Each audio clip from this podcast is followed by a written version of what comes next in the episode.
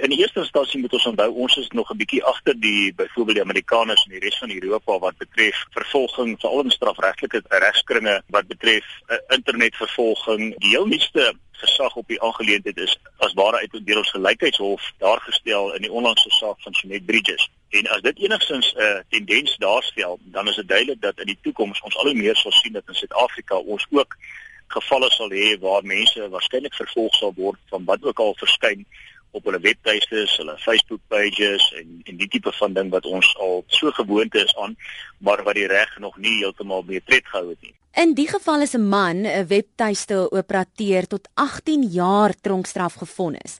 Is dit ongehoord van? Daar's natuurlik nie voorgeskrewe vonnisse op die wetboeke in hierdie geval van toepassing in Suid-Afrika nie.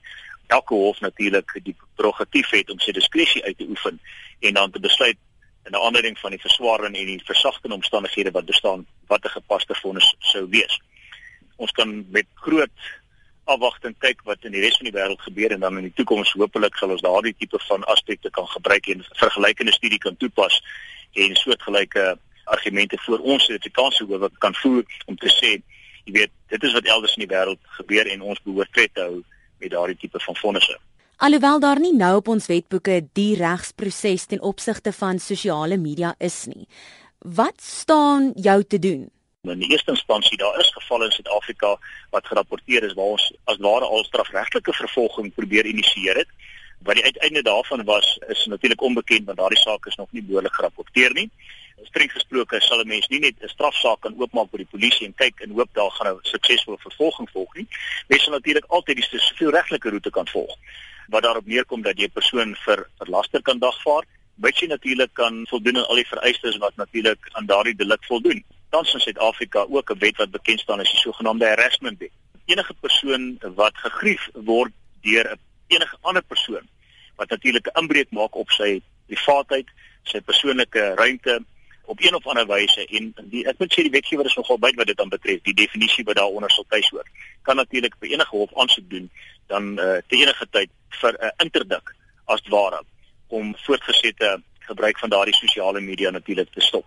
In nog 'n Amerikaanse hof, die keer in New York, het 'n hof beslis dat 'n vroue egskeiding dagvaarding kan gee via 'n private boodskap op Facebook, juis omdat sy nie haar man in die hande kon kry nie.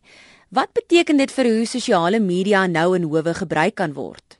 Ek dink dit is hoogtyd dat die howe aanpas by moderne tegnologie en dat ons kennis dra van hierdie tipe van metodes om byvoorbeeld 'n boodskap oor te dra van een of ander aard na 'n ander persoon toe.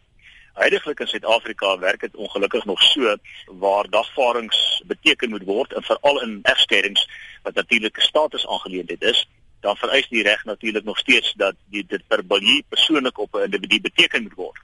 Maar daar is natuurlik uitsonderings op die reël.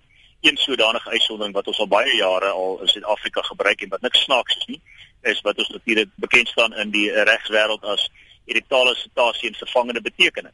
Wat beteken jy sal by wyse van 'n aansoek na 'n regter gaan en jy sal vir die regter sê dat daar geen ander denkbare metode is om hierdie dagvaarding te bestel anders dan as op een of ander wyse byvoorbeeld in die geval Facebook nie of op sosiale media of by wyse van 'n publikasie in 'n in 'n koerant van een of ander aard nie.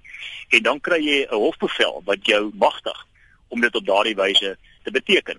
Die enigste vereiste en verskil tussen ons en die Amerikaanse stelsel wat jy sopas genoem het is dat ons in hierdie geval eers in Suid-Afrika 'n hofbevel moet kry wat jy magtig om dit op hierdie spesiale wyse van betekening te bewerkstellig